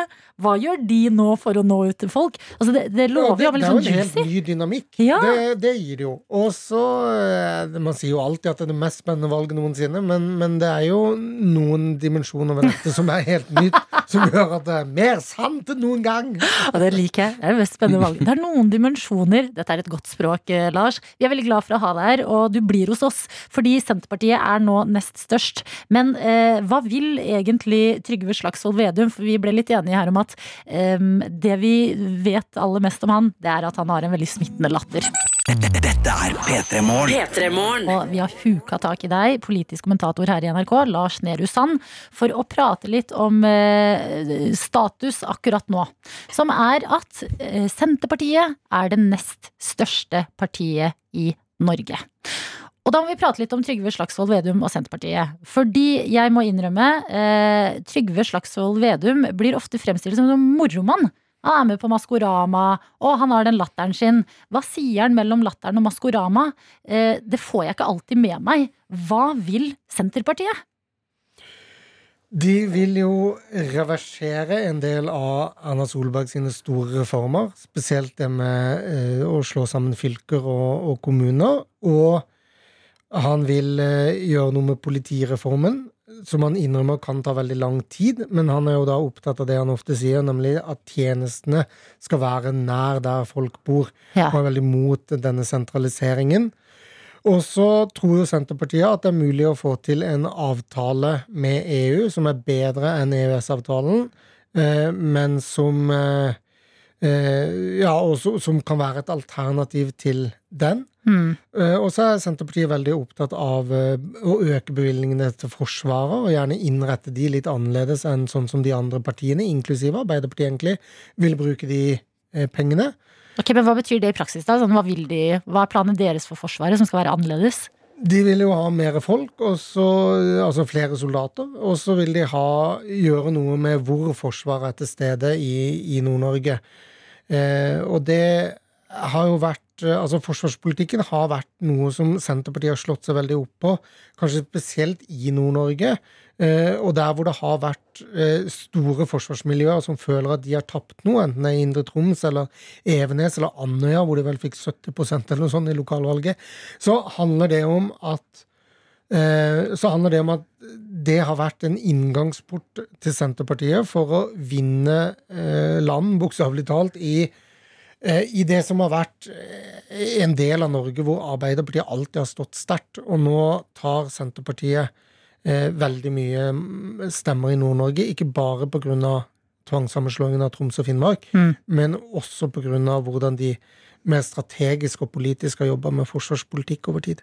Men når man får sånne nyhetssaker som det har vært masse av, og sånn igjen, nå prater vi jo om det sånn å herregud, Senterpartiet er nest størst, så blir det en litt sånn smitteeffekt. Da får jo flere øyne opp for Senterpartiet. Tenker sånn herregud, kanskje de er inne på noe jeg kan vibe med. Men eh, har de en Altså, de har åpenbart visjoner, men har de en realistisk plan til hvordan de kan gjennomføre? Fordi sånn som eh, Kan Senterpartiet alene løse f.eks. sånn eh, by versus eh, distriktene-problematikken som åpenbart fins, da? Nei, det, det er jeg også spent på, i den forstand at det er jo en global trend at folk flytter mot byene, og det er mye som Altså, noe av det kan motvirkes med politikk, men langt fra alt. Og jeg tror ikke det fins noe land som har klart å løse, eh, løse den utfordringen. Eh, og så begynner jo Senterpartiet også å se at det er viktig for de, hvis de skal holde seg på over 20% å ha en viss politikk for byene. Eh, og derfor så er de ikke så opptatt av å gå løs på byene, for å si det på den måten, eh, som de er å styrke distriktene. Mm. Eh, og sier at det er ikke nødvendigvis en sånn hard motsetning i betydning at vi må flytte penger fra byen til distriktene. Det er mer sånn at vi må bruke mer penger på distriktene. Som jo er en litt annen tilnærming. Men det Senterpartiet først og fremst har klart for å, gjøre seg så store, det er jo å være noe mer enn et særinteresseparti for bøndene. Eh, nå er de en, et parti som, som sier til alle som føler en avmakt eller føler en avstand til folk som tar beslutninger, at vi er på din, din side, vi er på ditt lag, vi ser deg og din frustrasjon. Og det er kanskje det som først og fremst har gjort de så store over tid. Og da har de vært flinke til å, å ta tak i veldig små saker og veldig store saker og si at dette handler om det samme. Det handler om at makten flyttes eh, vekk fra deg som innbygger og opp til et eller annet sted som, som er langt fra deg. Mm. Og du blir sur, og det forstår vi. Hvor mye hjelper det da å ha en eh, smittende god latter, da? Ja, til nå så syns jeg jo det Det må ha litt å si. Det har selvfølgelig noe å si, også fordi at uh, Trygve Slagsvold Vedum er en uh, likende kar, og han prøver jo å Mye av hans politiske skal si, misjon da, har jo vært å fortelle den historien og male opp et bilde som er lett å kjenne seg igjen i. Kanskje mer enn å være veldig konkret på politiske løsninger. Ja, for det er litt sånn noen ganger sånn Ja, vi skal stenge de stedene. og så bare kaster han ut ting Da slår vi sammen dette her. han bare 'hæ, hva sa han?' Det var gøy latter, ass. Ai, ai, ai. Ja. Jeg er eh, sjokkert over at dette har skjedd, eh, og spent fordi det lover godt for dette valgåret i 2021. Eh, jeg føler dette bare er starten, og det betyr at Lars, vi kommer mest sannsynlig til å huke tak i deg igjen. Med en gang det er noe vi lurer på. Så Mhm. takk for at du alltid stiller opp eh, og gjør oss litt klokere, og så blir jeg Nei, vent litt før du går. Jeg har faktisk et spørsmål som jeg lurer oppriktig på. Eh, jeg har lurt oppriktig på det andre her òg, men dette er veldig nysgjerrig på. Siden du er politisk kommentator, eh, er det Skulle du Skulle du ønske at det, Norge, at det skjedde litt mer sånne ting som det skjer i USA? At det klikker helt, og at du får masse action å kommentere på? For det er jo litt treigt i Norge. Nei, in the end er jeg jo glad for at vi bor i et uh, ganske oversiktlig land. Det er et veldig godt svar. Det er et veldig godt svar. Det er det vi, jeg tror vi alle ser på USA, og så tenker vi det er bra her i dette potetlandet. Ja. Vi har det fint.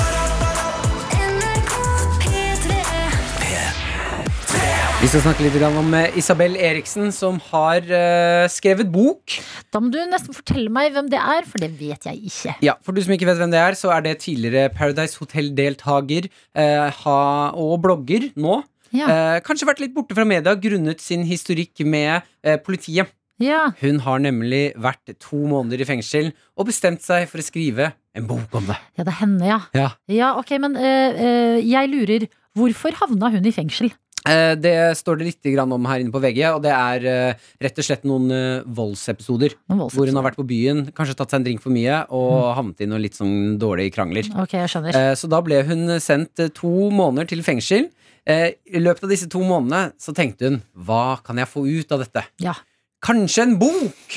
Hvordan kan jeg som influenser ikke gå økonomisk i minus av å være i fengsel? Bok. Eh, og jeg syns jo det er noe ehm, go Eller det er noe eh, fint med hvor lite kan jeg gjøre i livet, eller hvor mye kan jeg få ut av det lille jeg gjør her. Ja. Fordi to måneder i fengsel, der tenker jeg at det kan umulig være mye juice her. Men det er kanskje der eh, relativitetsteorien kicker inn. Mm. At to måneder i fengsel Mm. oppleves ekstremt lenge. Altså, første måned nytt, Det var øh, ganske skummelt der. Ja. Andre måned nå begynner det å bli litt kjedelig. De serverer det samme i kantina hele tida. Ja, Man skal ikke skimse av uh, sånn her type bøker, for man sier jo at noen av de beste bøkene de blir skrevet i fengsel. Hvem sier det? Mange sier det! Mange gode bøker har kommet ut av fengsel. Men det er som regel da folk som kanskje sitter litt Kaster lenger ut. inne. Ja. Nei, jeg lover, Mart! Vet du hva, når du sier ting, da er det ikke kaste ut. Når jeg sier ting som er fakta, Er da det tar du meg på at jeg kaster det ut. Det Ja. er helt sant. Ok, jeg har ikke hørt det før. Nei, Men jeg snakker ikke med sånne type folk heller. Nei det er sant. Eh, men eh, ok, det er faktisk helt sant. For jeg har en idé her. eh, i morgen så har jeg Eller jeg har da lyst til å presentere min bok, for jeg har jo vært eh, på glattcella. Hva faderen? Hm, visste du ikke det? Nei. Jeg har sittet en natt i fengsel. Hvem er du? Er klin gæren! Så jeg, og jeg blir inspirert av Isabel Eriksen her, som skriver bok om to måneder i fengsel. Jeg har lyst til å skrive én natt i fengsel. Ok, men Blir det da en spoiler å fortelle oss hvorfor du var på glattcella? Eh, nei, fordi det skal ikke handle om Jeg kan godt fortelle deg, for det skal ikke handle om det. Det skal handle om Nei. oppholdet mitt på glattcella. Ok, Um, åh, ja, det er jo flaut, da. Men um, uh, jeg begynte å krangle med politimann fordi jeg kom ut fra et 18-årssted. Jeg var 18 år uh, og var full. og så spurte han om han kunne få se legitimasjonen min. For å se om jeg var gammel nok til å komme inn. Mm. Han tar legge og går over veien for å få litt bedre lys. Står Ja. og ser på legitimasjonen. Vent litt. Å ja, ja, for å få bedre lys på kortet, ja. Ja, for det var midt Mm. på vinteren. Eh, januar, når jeg hadde fylt 18. Eh, bedre lys på kortet. Står og titter, og så sier han Ja, det, det ser greit ut, du kan komme og hente kortet. Eh, da kikker den kverulante siden din, så sier jeg sånn Nei, du kan komme og gi det tilbake. Nei, Martin! Ja, ja, jeg vet det. Jeg vet det. Jeg vet det.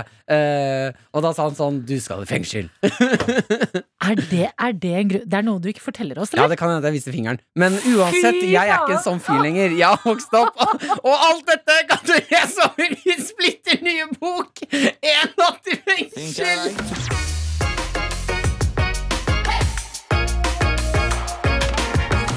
Du har hørt en podcast fra NRK P3. Hør flere podcaster i appen NRK Radio.